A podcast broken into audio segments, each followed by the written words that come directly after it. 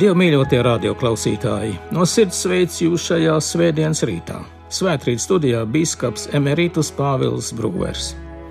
Šajā svētdienā mēs svinam mūsu kunga apskaidrošanas dienu. Par šo notikumu varam lasīt Mateja evaņģēlijas 17. nodaļā, kur tā rakstīts.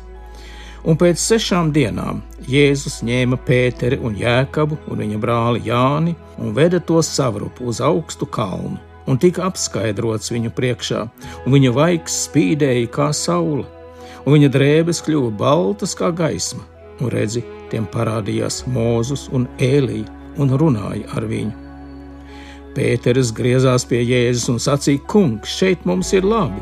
Ja tu gribi, es celšu šeit trīs teltis, vienu tev, vienu mūzum un vienu ēlijam. Tam vēl runājot, redzi, spoža padebes tos apēnoja, un redzi, balss no padebes sacīja: Šis ir mans mīļais dēls, pie kura man ir labs prāts, to jums būs klausīt. Kad mācekļi to dzirdēja, tie kritu savu vaigu un ļoti izbijās.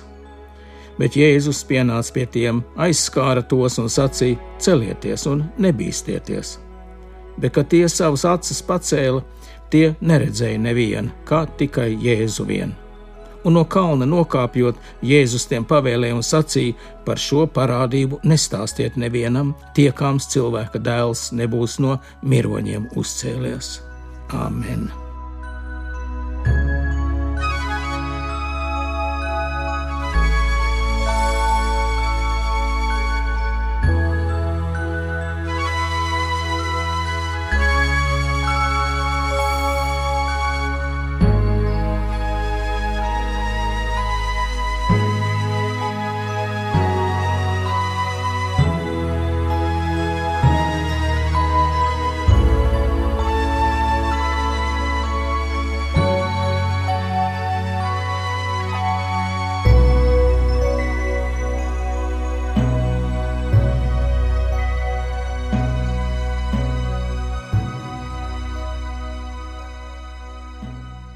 Dievu mīļotie radioklausītāji, evanģēlijas mums atklāja Jēzus Kristus divējādo dabu, gan viņa cilvēcību, gan dievišķību.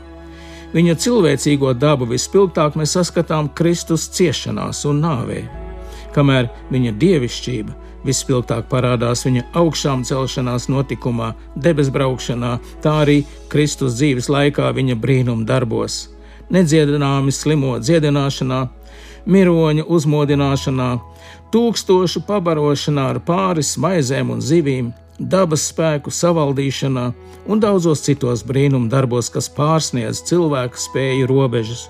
Un arī šajā notikumā, par ko runā šīs dienas evaņģēlijas, Kristus apskaidrošanā, tajā atklājās viņa dievišķība. Pirms Kristus ciešanām un nāves Dievs apskaidro savu dēlu tādā skaidrībā, kādā viņš bija pie tēva jau no mūžības, un kādā viņš atgriezās pēc augšām celšanās. Un šis piedzīvojums mācekļiem bija būtiski nepieciešams. Mācekļus ceļā uz Jeruzalemi bija pārņēmušas ļoti pretrunīgas izjūtas. No vienas puses viņi cerēja uz to, ka Jēzus beidzot atklāsies visai tautai kā gaidītais mesija, kā dieva dēls bet no otras puses viņus bija satraukuši Jēzus vārdi par ciešanām un nāvi. Pirms došanās ceļā uz Jeruzalemi Jēzus saviem mācekļiem ir atklājis, ka viņam jādodas uz Jeruzalemi, lai tur ciestu, mirtu un augšām celtos. Šie vārdi viņiem izklausās pēc sakāves, vārdus par augšām celšanos mācekļi īsti nespēja saprast. Kā gan tas var notikt? Kāpēc tam tā būtu jānotiek? Un tad Jēzus aicina Pēteri, Jēkabu un Jāni sev līdzi kāpt kādā augstā kalnā, lai tur lūgtu Dievu. Un lai tur viņi gūtu stiprinājumu un mieru, un lai viņi savām acīm redzētu to patiesību, ko Jēzus sacīja Pilātam: Mana valstība nav no šīs pasaules. Ja mana valstība būtu no šīs pasaules, mani sulāņi cīnītos par to, lai es nekristu jūdu rokās. Bet nu, mana valstība nav no šejienes. Apskaidrošanas kalnā mācekļiem spilgtā veidā tiek atklāta šī garīgā realitāte, debesu valstība, kas nav no šīs pasaules, kas ir nesalīdzināmi pārāka, skaistāka, varenāka par visu, kas šeit virs zemes sastopams. Viņi patiesi savām acīm saskat un savām ausīm sadzird, ka pēdējais vārds visās lietās pieder mīlestības pilnajam dievam. Lai arī dažkārt šeit virs zemes mums izskatītos, kā Veidenbaums savā dzējolī saka, virs zemes nav taisnības, dūrē tik spēks. Apskaidrošanas kalnā Jēzus dievišķā gaisma atmirdz lielā spožumā, viņa drēbes kļūst balti spožas, viņa seja spīd kā saule. Tā bija tā patiesā gaisma, kas mājo Jēzu no mūžības. Tur ar Jēzu kopā ir arī Mūzus un Ēlija. Viņa runā par to, kas Jēzum Jeruzālēmē būs jāiztur, par viņa nāvi un augšām celšanos. Un tad nāk visa šī notikuma kulminācija spoži pār debesis tos apēnoja, un no tā atskanēja balss: Šis ir mans mīļais dēls, pie kura man ir labs prāts, to jums būs klausīt. Pats Dievs apliecina: Šis ir mans mīļais dēls, klausiet viņu, klausiet, ko viņš jums saka. Ticiet viņam, lai arī tas, ko viņš saka, jums būtu grūti saprotams, kas jums izklausītos neticami un neiespējami, lai arī tas būtu saistīts ar ciešanām un nāvi ticiet un klausiet viņu.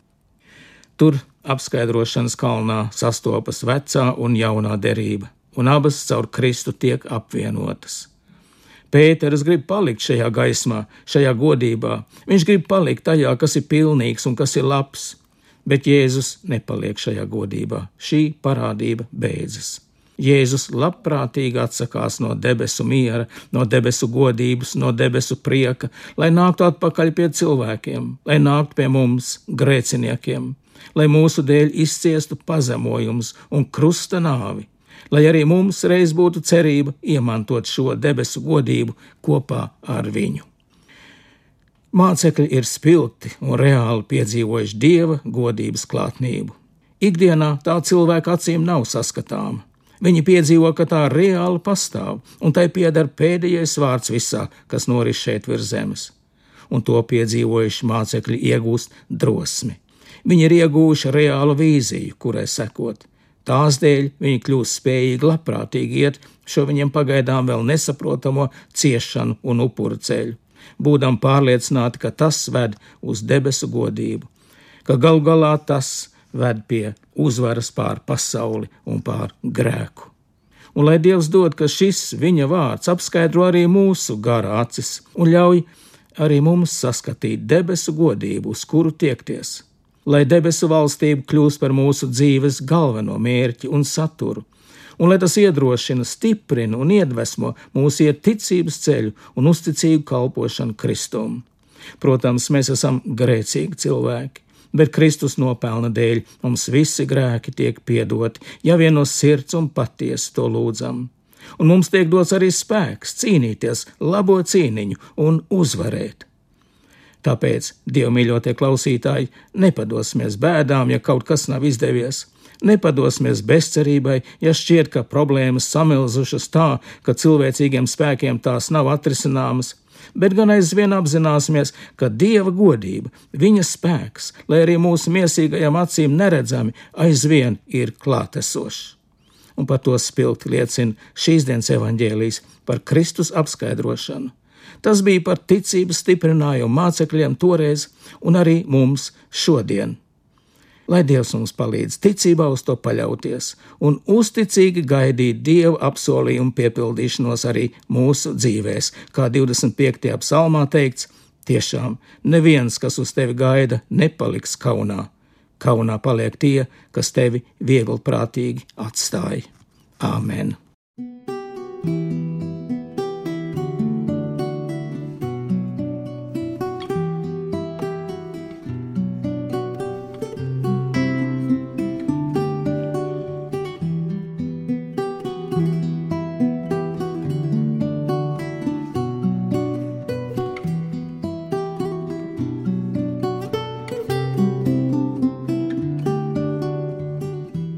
Lūksim, Dievs, Kungs, debesu Tēvs, mēs Tev pateicamies, ka Tu esi mūsu Tēvs, un Tu mūs šajā rītā visiem no jauna atkal esi atgādinājis savu aicinājumu atgriezties no grēkiem un atsaukties Tavai mīlestībai, atsaukties Tavai žēlastībai. un mēs lūdzamies vairo mūsu ticību, vairo ticību mūsu tautā un pasargā mūs no visa ļauna. Īpaši mēs izlūdzamies Tavu žēlastību, Tavu klātnību un mierinājumu tiem, kas jūtas vientuļi, kas jūtas atstāti un kas cieš.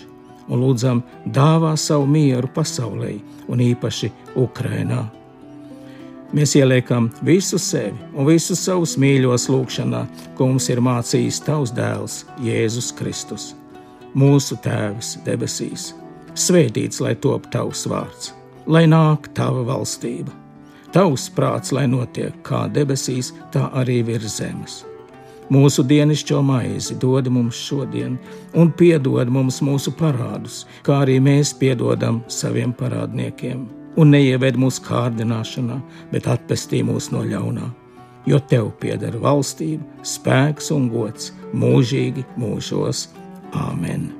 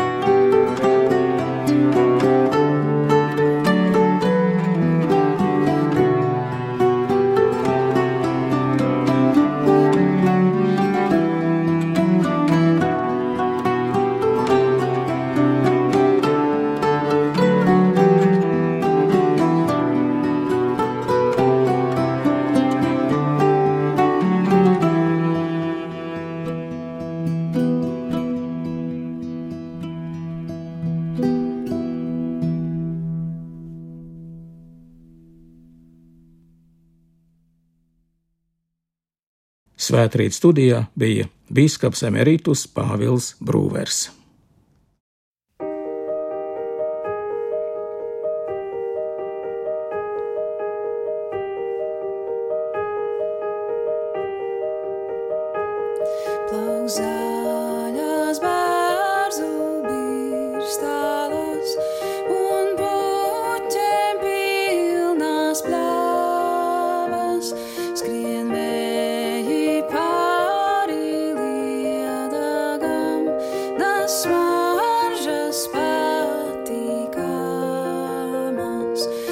So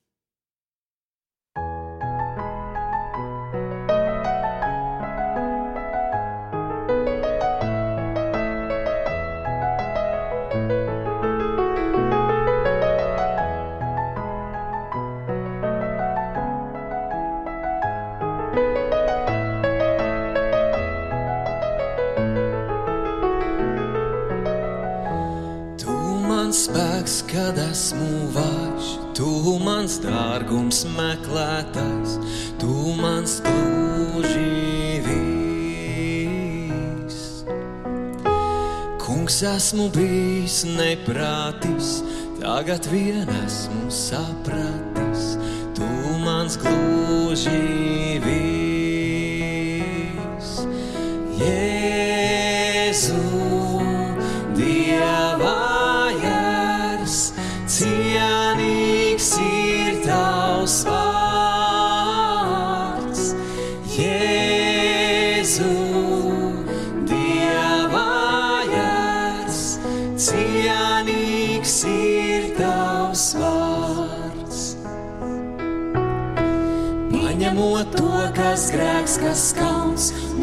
nomiri tu un uzcēlies, tu mans gluži tu esi tu mani cel, piepildi tu, ja esi žuvis, tu mans gluži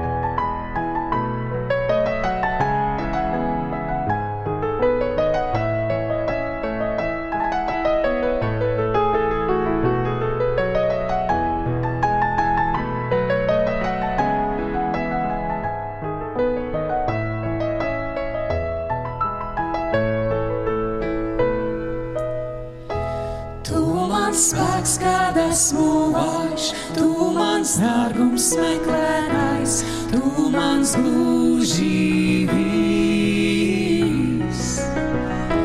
Kungs esmu bijis neprātis, tagad vien esmu sapratis, tu mans gluži vis.